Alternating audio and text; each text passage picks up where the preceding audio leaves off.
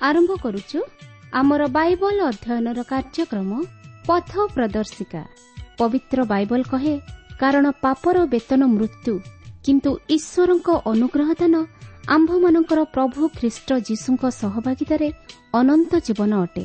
ଆସନ୍ତୁ ସେହି ମୃତ୍ୟୁର ଭୟରୁ ରକ୍ଷା ପାଇ ଅନନ୍ତ ଜୀବନର ଅଧିକାରୀ ହେବା ନିମନ୍ତେ ଶୁଣିବା ବେତାର କାର୍ଯ୍ୟକ୍ରମ ପଥ ପ୍ରଦର୍ଶିକା।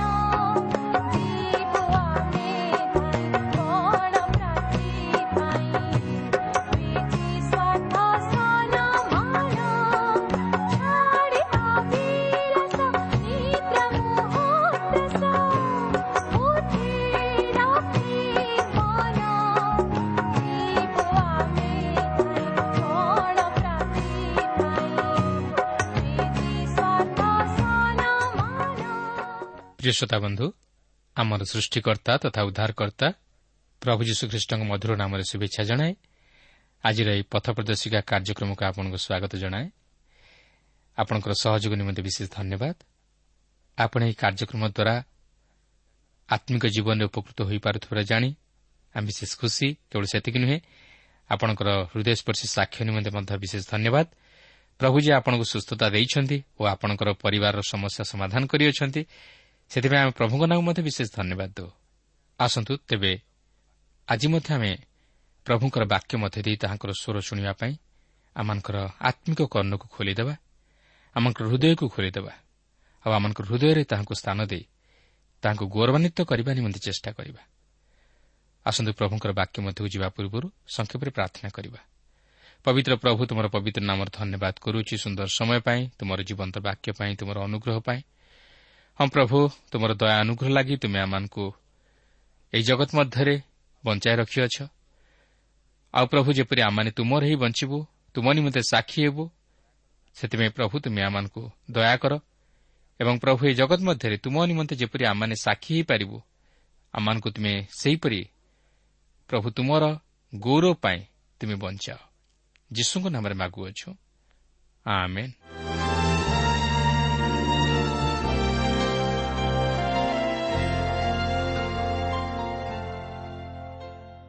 ଆସନ୍ତୁ ବର୍ତ୍ତମାନ ଆମେ ପ୍ରଭୁଙ୍କର ବାକ୍ୟ ମଧ୍ୟକୁ ଯିବା। ଆଜି ଆମେ ପ୍ରଥମ ସାମୁଏଲ ପୁସ୍ତକର ସାତ ପର୍ବର ସାତ ପଦରୁ ଆରମ୍ଭ କରି ଆଠ ପର୍ବର ବାଇଶ ପଦ ପର୍ଯ୍ୟନ୍ତ ଅଧ୍ୟୟନ କରିବା ନିମନ୍ତେ ଯିବା।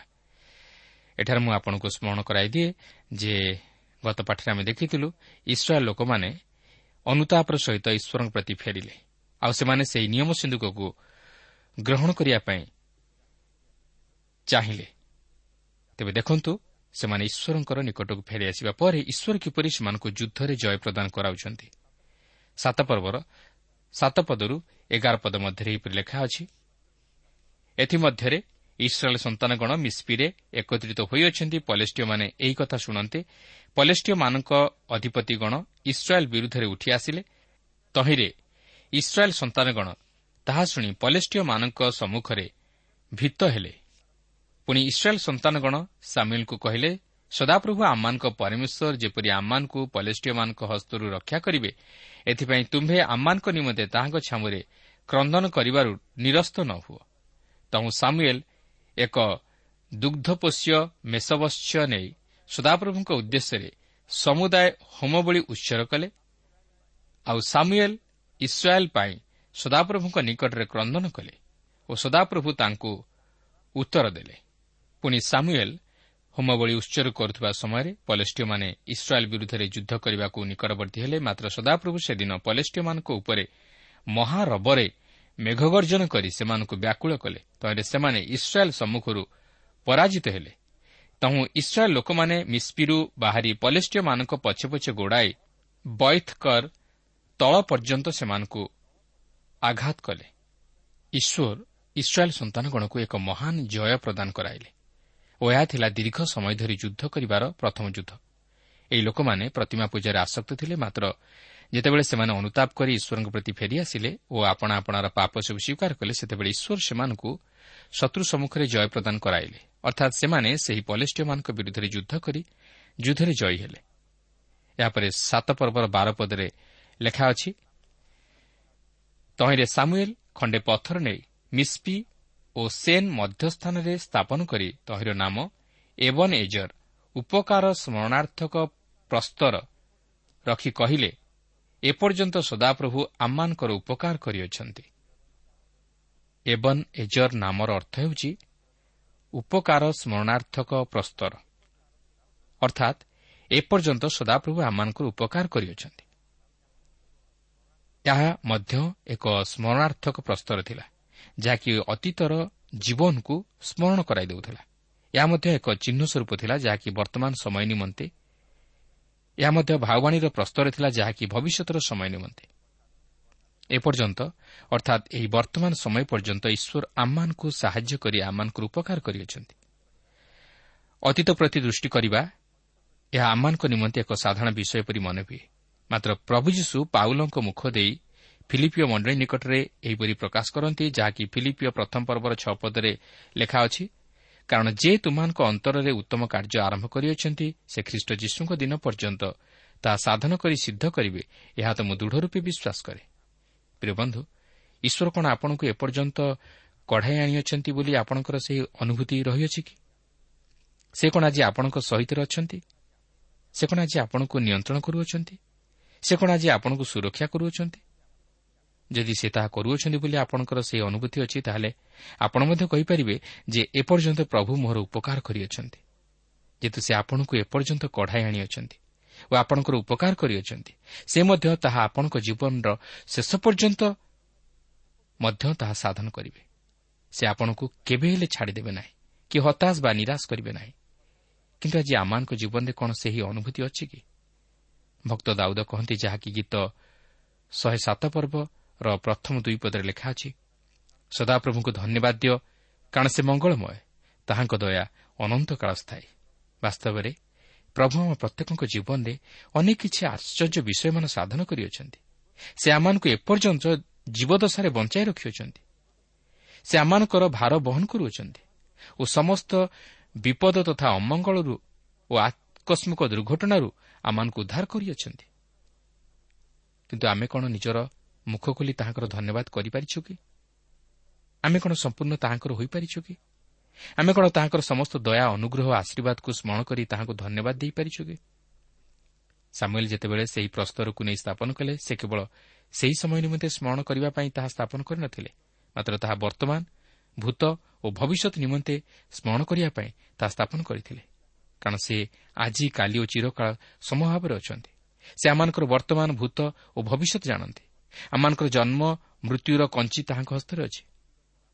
ଭକ୍ତ ଦାଉଦ ଯେତେବେଳେ କହନ୍ତି ସଦାପ୍ରଭୁ ମୋର ପ୍ରତିପାଳକ ମୋର ଅଭାବ ହେବ ନାହିଁ ସେତେବେଳେ ସେହି ସମୟକୁ ଦୃଷ୍ଟି ଆଗରେ ରଖି ସେପରି କହନ୍ତି ନାହିଁ। ମାତ୍ର ସେ ବର୍ତ୍ତମାନ ଅତୀତ ଓ ଭବିଷ୍ୟତକୁ ଦୃଷ୍ଟି ଆଗରେ ରଖି ସେହିପରି କହନ୍ତି। ପ୍ରିୟ ବନ୍ଧୁ ଆଜି ଆମମାନଙ୍କର ଜୀବନରେ ଆମେ କାହାକୁ ଉପକାର ସ୍ମରଣାର୍ଥକ ପ୍ରସ୍ତର ସ୍ୱରୂପେ ରଖିଅଛୁ? ଆମେ କାହାକୁ ଆମମାନଙ୍କ ଜୀବନରେ ପ୍ରତି ଅବସ୍ଥାରେ ସ୍ମରଣ କରୁଅଛୁ? ସେହି ପ୍ରଭୁ ଶ୍ରୀଖ୍ରୀଷ୍ଟ ଯିଏକି କୋଣର ପ୍ରଧାନ ପ୍ରସ୍ତର ସେ କ'ଣ ଆଜି ଆମମାନଙ୍କ ହୃଦୟରେ ସ୍ଥାନ ପାଇଛନ୍ତି କି? ସେଦିନ ଇସ୍ରାଏଲ୍ ସନ୍ତାନଗଣ ସେହି ପ୍ରସ୍ତରକୁ ସ୍ମରଣ କରୁନଥିଲେ। ମାତ୍ର ଈଶ୍ୱରଙ୍କର ବହୁବିଧ ଦୟା ଓ ଅନୁଗ୍ରହ ତଥା ଉପକାରକୁ ସ୍ମରଣ କରି ତାଙ୍କର ଧନ୍ୟବାଦ କରୁଥିଲେ। ତେବେ ଆଜି କ'ଣ ଆମେ ସେହି ଖ୍ରୀଷ୍ଟଙ୍କୁ ନିଜ ହୃଦୟରେ ସ୍ଥାନ ଦେଇ ଈଶ୍ୱରଙ୍କର ଅସୀମ ଦୟା ଅନୁଗ୍ରହ ତଥା ପ୍ରେମକୁ ସ୍ମରଣ କରି ଈଶ୍ୱରଙ୍କର ନିକଟବର୍ତ୍ତୀ ହୋଇପାରିଛୁ କି? ସାତ ପର୍ବର ତେର ପଦରେ ଲେଖା ଅଛି ଏହି ପ୍ରକାରେ ପଲିଷ୍ଟିୟମାନେ ବଶୀଭୂତ ହୋଇ ଇସ୍ରାଏଲ୍ର ଅଞ୍ଚଳ ମଧ୍ୟକୁ ଆଉ ଆସିଲେ ନାହିଁ। ପୁଣି ସାମୁଏଲ୍ଙ୍କର ଯାବଜୀବନ ସଦାପ୍ରଭୁଙ୍କ ହସ୍ତ ପଲିଷ୍ଟିୟମାନଙ୍କର ପ୍ରତିକୂଳ ହେଲା। ସରଳ ଭାବେ ବୁଝିବାକୁ ଗଲେ ଏଥିରୁ ଜଣାଯାଏ ଯେ ପଲିଷ୍ଟିୟମାନେ ଏଥିପୂର୍ବରୁ ଯେଉଁପରି ଭାବେ ଇସ୍ରାଏଲ୍ ସନ୍ତାନଗଣ ଉପରେ ଜୟଯୁକ୍ତ ହେଉଥିଲେ ସେହିପରି ଆଉ କେବେ ହେଲେ ଜୟଯୁକ୍ତ ହୋଇପାରି ନ ଥିଲେ କି ସେମାନଙ୍କ ଉପରେ କର୍ତ୍ତୃତ୍ୱ କରିପାରି ନ ଥିଲେ ଏହା ଥିଲା ଅତି ଚମତ୍କାର ଯୁଦ୍ଧ। ଏବଂ ସେହି ପ୍ରସ୍ତର ବର୍ତ୍ତମାନ ତହିଁର ସ୍ମୃତି ରୂପେ ଦଣ୍ଡାୟମାନ। ସେହି ପ୍ରସ୍ତର ଜିରୁସାଲମର ଉତ୍ତରରୁ ଉତ୍ତର ପଶ୍ଚିମ ଆଡ଼କୁ ପ୍ରାୟ ତିନି କିମ୍ବା ଚାରି ମାଇଲ ପର୍ଯ୍ୟନ୍ତ ବ୍ୟାପ୍ତ ଥିଲା। ସାତପର୍ବର ଚଉଦରୁ ସତର ପଦ ମଧ୍ୟରେ ଆମେ ଦେଖୁ ଯେ ସାମୁଏଲ୍ଙ୍କର କାର୍ଯ୍ୟ ସାମୁଏଲ୍ ଇସ୍ରାଏଲ୍ର ମାଓବାଦୀ ଓ ବିଚାରକର୍ତ୍ତା ମଧ୍ୟ ଥିଲେ। ସେ ବୈଥେଲ୍ ଗିଲଗଲ୍ ଓ ମିସ୍ପିରେ ଓ ଫେରିଆସି ରାମାରେ ମଧ୍ୟ ଇସ୍ରାଏଲ୍ର ବିଚାର କରୁଥିଲେ। ଆଉ ଏହି ସମସ୍ତ ଅଞ୍ଚଳ ଜିରୁସାଲାମର ଉତ୍ତର ପାର୍ଶ୍ୱ ଅଞ୍ଚଳ ଥିଲା। କିନ୍ତୁ ଆମେ ଇସ୍ରାଏଲ୍ର ପଲେଷ୍ଟିୟମାନଙ୍କ ଉପରେ ଜୟଲାଭ କରିବାର ବିଷୟ ଲକ୍ଷ୍ୟ କରିବାକୁ ପାରିଲୁ କିନ୍ତୁ କାହାର ସହାୟତାରେ? ଈଶ୍ୱରଙ୍କର ସହାୟତାରେ। କିନ୍ତୁ ତାହା ଇସ୍ରାଏଲ୍ ପକ୍ଷରେ କିପରି ସମ୍ଭବ ହେଲା? ଯେତେବେଳେ ସେମାନେ ଅନୁତାପ କରି ଈଶ୍ୱରଙ୍କ ନିକଟକୁ ଫେରିଆସିଲେ ଓ ନିଜର ପାପ ସମସ୍ତ ସ୍ୱୀକାର କଲେ। ପ୍ରିୟ ବନ୍ଧୁ ଯେପର୍ଯ୍ୟନ୍ତ ଆମେ ନିଜର ପାପ ବିଷୟରେ ବୋଧ ପାଇନାହୁଁ ଓ ନିଜର ପାପମୟ ଜୀବନରୁ ଅନୁତାପ କରି ପ୍ରଭୁ ଯୀଶୁଙ୍କ ନିକଟକୁ ଫେରିନାହୁଁ କିମ୍ବା ନିଜର ପାପ ସବୁ ସ୍ୱୀକାର କରିନାହୁଁ ସେ ପର୍ଯ୍ୟନ୍ତ ଆମେ ଈଶ୍ୱରଙ୍କ ଆଶୀର୍ବାଦ ଓ ଅନୁଗ୍ରହର ଅଧିକାରୀ ହୋଇପାରିବା ନାହିଁ। ମାତ୍ର ଯେଉଁ ମୁହୂର୍ତ୍ତରେ ଆମେ ତାହା ସ୍ୱୀକାର କରୁ ସେହି ମୁହୂର୍ତ୍ତରେ ସେ ଆମମାନଙ୍କ ଜୀବନରେ ତାହାଙ୍କର ଆଶୀର୍ବାଦ ଓ ଅନୁଗ୍ରହ ବୃଷ୍ଟି କରାଇବେ ଓ ଆମମାନଙ୍କୁ ପାପରୁ ଉଦ୍ଧାର କରି ଶୟତାନ ଉପରେ ବିଜୟୀ ହେବା ନିମନ୍ତେ ଶକ୍ତି ପ୍ରଦାନ କରିବେ। ଫଳତଃ ଆମେ ଏହି ଜଗତରେ ଏକ ବିଜୟୀ ଜୀବନ ଯାପନ କରିବା ନିମନ୍ତେ ସମର୍ଥ ହୋଇପାରିବା। ଆସନ୍ତୁ ବର୍ତ୍ତମାନ ଆମେ ପ୍ରଥମ ସାମିଲ ଆଠ ପର୍ବ ମଧ୍ୟକୁ ଯିବା। ଏହି ଆଠ ପର୍ବରେ ଆମେ ଦେଖିବାକୁ ଯିବା ଯେ ଇସ୍ରାଏଲ୍ ଲୋକମାନେ ଈଶ୍ୱରଙ୍କୁ ଅଗ୍ରାହ୍ୟ କରି ସେମାନଙ୍କ ନିମନ୍ତେ ଜଣେ ରାଜାଙ୍କୁ ଦାବି କଲେ। ଯଦି ଆମେ ପୁରାତନ ନିୟମର ହୁସେ ପୁସ୍ତକର ତେର ପର୍ବର ଏଗାର ପଦକୁ ଏଠାରେ ଆଣି ସଂଯୋଗ କରିବା ତାହେଲେ ଆମେ ଈଶ୍ୱରଙ୍କର ମନୋଭାବକୁ ବୁଝିପାରିବା। ହୋସେ ତେର ପର୍ବର ଏଗାର ପଦରେ ଏପରି ଲେଖା ଅଛି ଆମ୍ଭେ ଆପଣା କ୍ରୋଧରେ ତୁମ୍ଭକୁ ରାଜା ଦେଇଅଛୁ ଓ ଆପଣା କୋପରେ ତାହାକୁ ନେଇଯାଇଅଛୁ ସାମୁଏଲ୍ ଜଣେ ମହାନ ବିଚାରକର୍ତ୍ତା ଥିଲେ ଏବଂ ଜଣେ ଈଶ୍ୱରଙ୍କ ଲୋକ ଥିଲେ। ସେ ମଧ୍ୟ ସେହି ସମାଗମ ତମ ମଧ୍ୟରେ ବଢ଼ିଥିଲେ। ଯେଉଁଠାରେ କି ସେ ଏଲିଙ୍କର ଦୁଇ ପୁତ୍ରଙ୍କର ଦୁଷ୍ଟତା ଓ ଈଶ୍ୱର ସେମାନଙ୍କୁ କେଉଁପରି ବିନାଶ କଲେ ତାହା ମଧ୍ୟ ସେ ଦେଖିଥିଲେ। ତଥାପି ଦେଖନ୍ତୁ ସାମୁଏଲ୍ କ'ଣ କରୁଅଛନ୍ତି। ଆଠ ପର୍ବର ପ୍ରଥମ ପଦରେ ଲେଖା ଅଛି ଅନନ୍ତର ସାମୁଏଲ୍ ବୃଦ୍ଧ ହୁଅନ୍ତେ ଆପଣା ପୁତ୍ରମାନଙ୍କୁ ଇସ୍ରାଏଲ୍ ଉପରେ ବିଚାରକର୍ତ୍ତା କଲେ। ସାମୁଏଲ୍ ତାହାଙ୍କ ଉତ୍ତାରେ ତାହାଙ୍କର ପୁତ୍ରମାନଙ୍କୁ ବିଚାରକର୍ତ୍ତା ସ୍ୱରୂପେ ଇସ୍ରାଏଲ୍ ଉପରେ ନିଯୁକ୍ତ କଲେ। ଯଦିଓ ସେମାନେ ସେହି କାର୍ଯ୍ୟ ନିମନ୍ତେ ଅନୁପଯୁକ୍ତ ତଥା ଅସମର୍ଥ ଥିଲେ ତଥାପି ସାମୁଏଲ୍ ସେମାନଙ୍କୁ ନିଯୁକ୍ତି ଦେଲେ। କିନ୍ତୁ ଏପରି କରିବା ଉଚିତ ନଥିଲା। ସାମୁଏଲ୍ ଜଣେ ମହାନ ବିଚାରକର୍ତ୍ତା ଥିଲେ।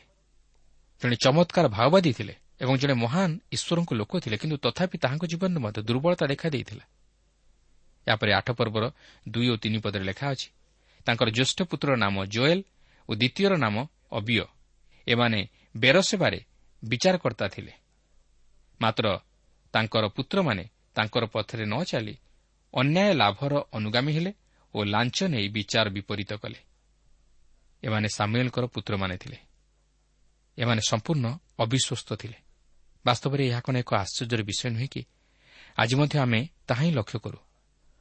ଅନେକ ପାଳକ ତଥା ପ୍ରଚାରକ କିମ୍ବା ମଣ୍ଡଳୀ ମଧ୍ୟରେ କୌଣସି ପଦାଧିକାରୀ ବ୍ୟକ୍ତିଙ୍କର ପିଲାମାନେ ଅତି ଦୁଷ୍ଟ ତଥା ଅବିଶ୍ୱସ୍ତ ହୁଅନ୍ତି। ସେମାନେ ବିଶୃଙ୍ଖଳିତ ହୁଅନ୍ତି। କିନ୍ତୁ ଏପରି କାହିଁକି ଘଟେ ତାହା ମଧ୍ୟ ମୁଁ କହିପାରିବି ନାହିଁ। ଦେଖନ୍ତୁ ସାମୁଏଲ୍ ଜଣେ ଈଶ୍ୱରଙ୍କ ଲୋକ ଥିଲେ ମାତ୍ର ତାହାଙ୍କର ପୁତ୍ରମାନେ ତାହାଙ୍କ ପରି ନ ଥିଲେ। ସେମାନେ ପିତାଙ୍କର ବିପରୀତ କାର୍ଯ୍ୟ କଲେ। ଆଠ ପର୍ବର ଚାରି ଓ ପାଞ୍ଚ ପଦରେ ଲେଖା ଅଛି ତହିଁରେ ଇସ୍ରାଏଲ୍ର ସମସ୍ତ ପ୍ରାଚୀନ ବର୍ଗ ଏକତ୍ର ହୋଇ ରାମାରେ ସାମୁଏଲ୍ଙ୍କ ନିକଟକୁ ଆସିଲେ। ପୁଣି ସେମାନେ ତାଙ୍କୁ କହିଲେ ଦେଖ ତୁମେ ବୃଦ୍ଧ ହେଲ ପୁଣି ତୁମ୍ଭର ପୁତ୍ରମାନେ ତୁମ୍ଭ ପଥରେ ଚାଲୁନାହାନ୍ତି ଏହେତୁ ଅନ୍ୟ ସକଳ ଦେଶୀୟମାନଙ୍କ ପରି ଆମମାନଙ୍କର ବିଚାର କରିବାକୁ ତୁମେ ଆମମାନଙ୍କ ପାଇଁ ଏକ ରାଜା କର। ଦେଖନ୍ତୁ ଇସ୍ରାଏଲ୍ ସନ୍ତାନଗଣ ବର୍ତ୍ତମାନ ଜଣେ ରାଜାଙ୍କୁ ମାଗୁଅଛନ୍ତି। ସେମାନେ ଆଉ ବିଚାରକର୍ତ୍ତାମାନଙ୍କୁ ଚାହାନ୍ତି ନାହିଁ। ମାତ୍ର ସେମାନଙ୍କ ଉପରେ ଜଣେ ରାଜାଙ୍କୁ ଚାହାନ୍ତି।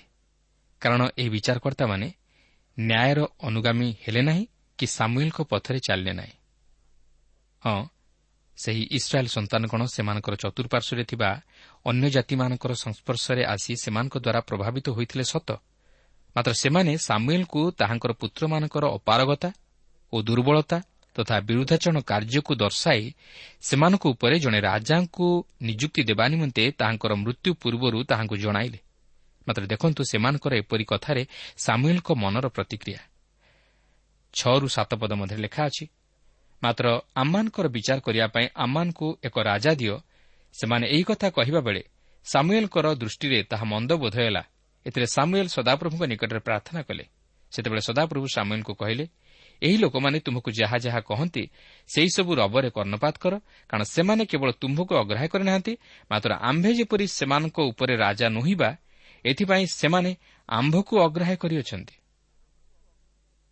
ତେବେ ଘଟଣା ହେଉଛି ଯେ ସାମୁଏଲ୍ ତାହାଙ୍କର ପୁତ୍ରମାନଙ୍କୁ ବିଚାରକର୍ତ୍ତା ରୂପେ ନିଯୁକ୍ତି ଦେଇଥିବାରୁ ଇସ୍ରାଏଲ୍ ସନ୍ତାନଗଣକୁ ସେମାନଙ୍କ ଉପରେ ଜଣେ ରାଜାଙ୍କୁ ମାଗିବା ନିମନ୍ତେ ମୌକା ମିଳିଗଲା।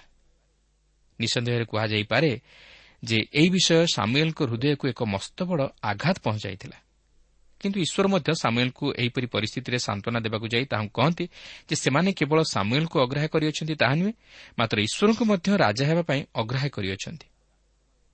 ସାମୁଏଲ୍ଙ୍କର ପୁତ୍ରମାନଙ୍କୁ ନେଇ ସେମାନେ କେବଳ ଏକ ବାହାନା କରିଥିଲେ ମାତ୍ର ପ୍ରକୃତିରେ ସେମାନେ ଈଶ୍ୱରଙ୍କର ସାର୍ବଭୌମ କ୍ଷମତାକୁ ଅଗ୍ରାହ୍ୟ କରିଥିଲେ।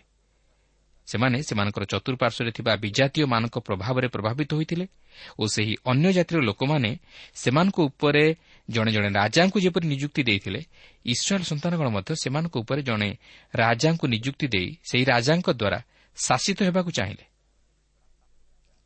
ତେବେ ଜଣେ ରାଜାଙ୍କ ଦ୍ୱାରା ଶାସିତ ହେବା ଫଳରେ ସେମାନଙ୍କ ପ୍ରତି ଯେଉଁ ସମସ୍ତ ବିଷୟ ଘଟିବ ତାହା ମଧ୍ୟ ସାମୁଏଲ୍ ସେମାନଙ୍କୁ ପରିଷ୍କାର ଭାବେ ଜଣାଇ ଦେଇ ସତର୍କ କରାଇଦେବାକୁ ଚାହିଁଥିଲେ।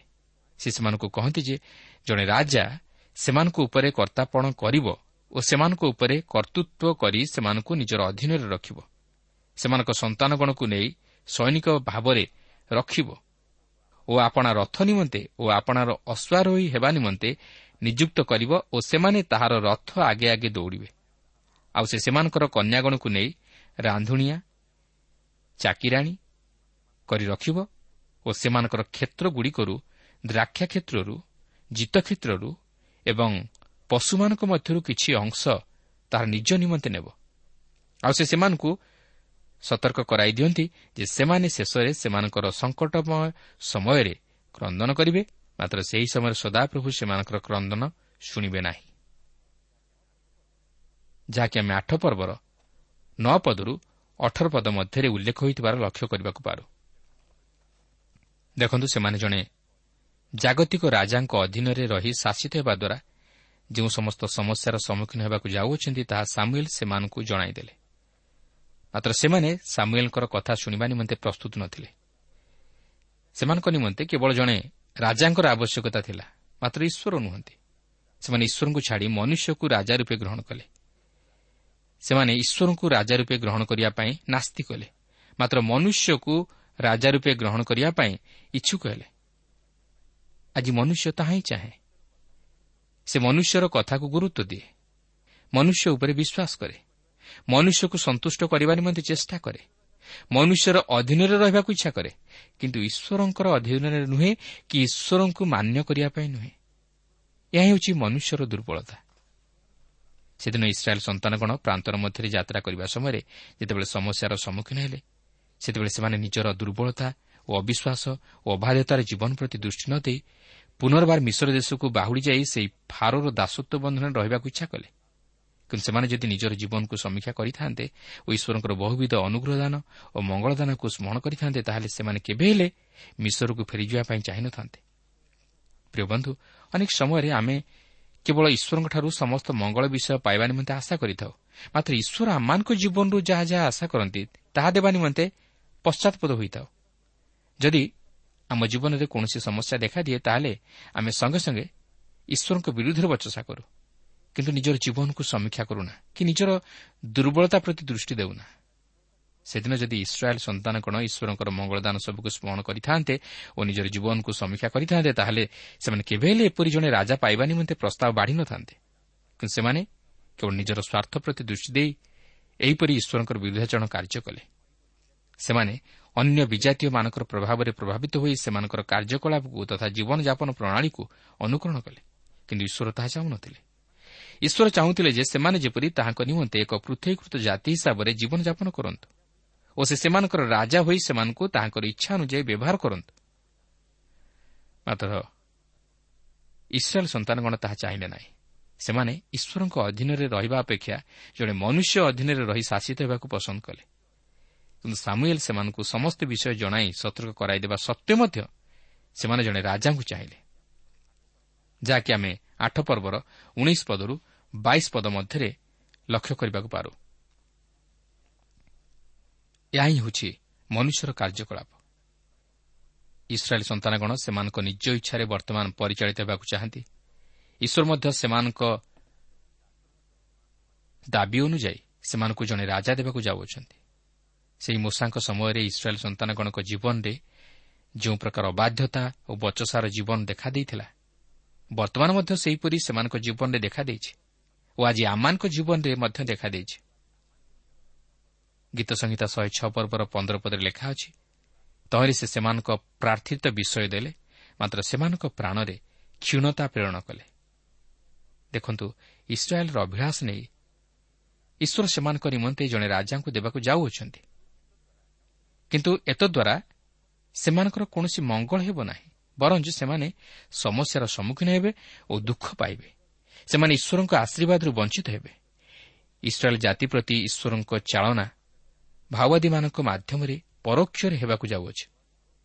ଯାହାକି ଆମେ ପରେ ଦେଖିବାକୁ ଯିବା ଯେ ଈଶ୍ୱର ସିଧାସଳଖ ରାଜାମାନଙ୍କ ସହିତ କଥା ନ କହି ମାଓବାଦୀମାନଙ୍କ ଦ୍ୱାରା କହୁଅଛନ୍ତି ଯିଏକି ଯାଇ ରାଜାଙ୍କ ନିକଟରେ ଈଶ୍ୱରଙ୍କର ସମସ୍ତ ବାକ୍ୟ ଜଣାଇବ।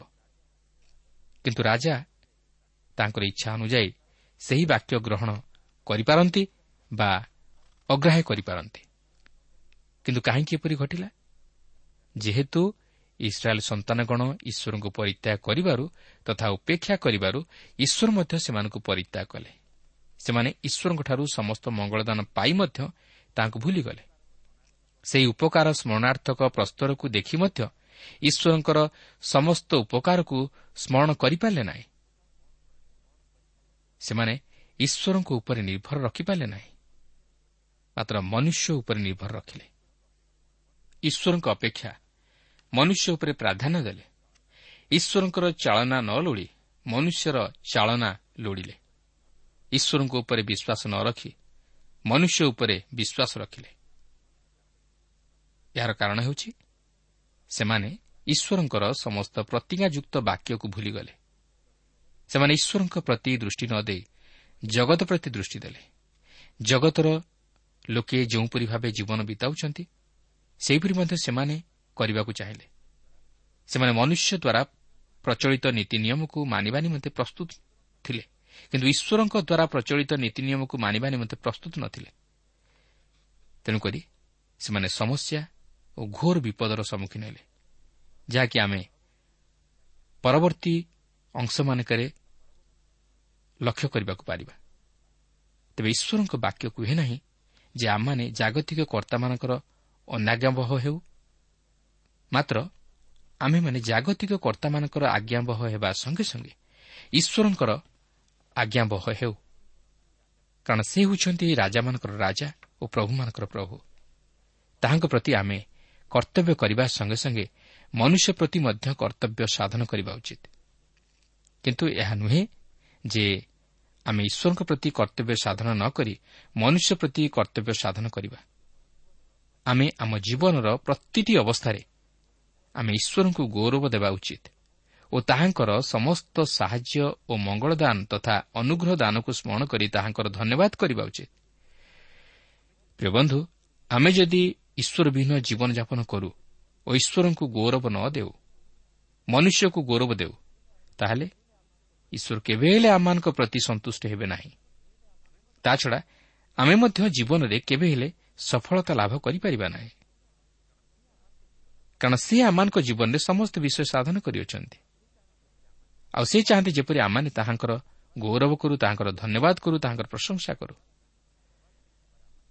ଅନେକ ସମୟରେ ଆମମାନେ ମନୁଷ୍ୟଠାରୁ ଯେଉଁ ସାହାଯ୍ୟ ସହାନୁଭୂତି ପାଇଥାଉ ଆମେ ତାହାକୁ ସାଙ୍ଗେ ସାଙ୍ଗେ ଧନ୍ୟବାଦ ଦେଇଥାଉ। କିନ୍ତୁ ଆମେ ଈଶ୍ୱରଙ୍କଠାରୁ କେତେ ସତ ଗୁଣରେ ଆମେ ସମସ୍ତ ମଙ୍ଗଳଦାନ ଆଶୀର୍ବାଦ ପାଉଛୁ ମାତ୍ର ଆମେ କେତେଥର ପ୍ରଭୁଙ୍କୁ ଧନ୍ୟବାଦ ଦେଇପାରୁଛୁ? ଆମେ ତାହା ଭୁଲିଯାଉ। ତେଣୁ ଆସୁ ଆମେ ଆମ ଜୀବନରେ ପ୍ରଭୁ ଯୀଶୁଖ୍ରୀଷ୍ଟଙ୍କୁ ରାଜା ରୂପେ ସ୍ଥାନ ଦେଇ ତାହାଙ୍କର ଗୌରବ କରୁ ଓ ତାହାଙ୍କ ଆଜ୍ଞା ଅନୁଯାୟୀ ଜୀବନଯାପନ କରୁ। ତାହେଲେ ଆମେ ଜୀବନରେ ସଫଳକାମୀ ହୋଇପାରିବା ଓ ଈଶ୍ୱରଙ୍କ ଆଶୀର୍ବାଦର ଅଧିକାରୀ ହୋଇପାରିବା। ପ୍ରଭୁ ତାହା ହିଁ ଆମମାନଙ୍କ ଜୀବନରୁ ଆଶା କରନ୍ତି। ସେ ଚାହାନ୍ତି ଯେପରି ଆମମାନେ ତାହାଙ୍କୁ ଆମମାନଙ୍କର ଜୀବନରେ ପ୍ରଥମ ସ୍ଥାନ ଦେଉ ଅଗ୍ରାଧିକାର ଦେଉ ତାହାଙ୍କୁ ଗୌରବ ଦେଉ ତାହାଙ୍କର ଇଚ୍ଛା ସଫଳ କରୁ। ସେ ଆମମାନଙ୍କ ଜୀବନରେ ରାଜା ହେବା ପାଇଁ ଚାହାନ୍ତି। ଆଜି ଆମମାନଙ୍କର ଜୀବନର ରାଜା କିଏ? ପ୍ରଭୁ ଯୀଶୁ? ନା ଏହି ଜଗତର ଅଧିପତି ସୈତାନ ତାହା ହିଁ ଆଜି ଆମମାନଙ୍କର ଚିନ୍ତାର ବିଷୟ। ପ୍ରଭୁ ପ୍ରତ୍ୟେକଙ୍କୁ ଏକ ଆତ୍ମସମୀକ୍ଷାରେ ଜୀବନ ଦାନ କରନ୍ତୁ।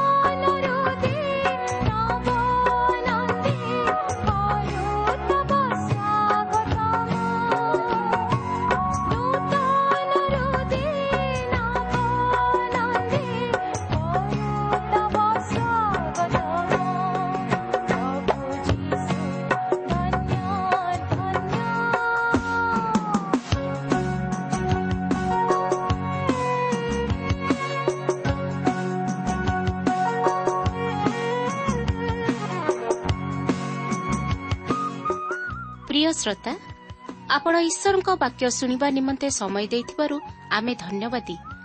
ଆପଣ ଯଦି ପ୍ରଭୁ ଯୀଶୁଙ୍କର ବାକ୍ୟ ବିଷୟରେ ଓ ତାହାଙ୍କର ପ୍ରେମ ବିଷୟରେ ଅଧିକ ଜାଣିବାକୁ ଚାହାନ୍ତି ଯାହାକି ଆପଣଙ୍କୁ ପାପରୁ ଉଦ୍ଧାର ପାଇବା ନିମନ୍ତେ ପଥ ଦେଖାଇବ ତାହେଲେ ଆମ ସହିତ ପତ୍ର ମାଧ୍ୟମରେ ଅଥବା ଟେଲିଫୋନ୍ ଯୋଗେ ଯୋଗାଯୋଗ କରନ୍ତୁ।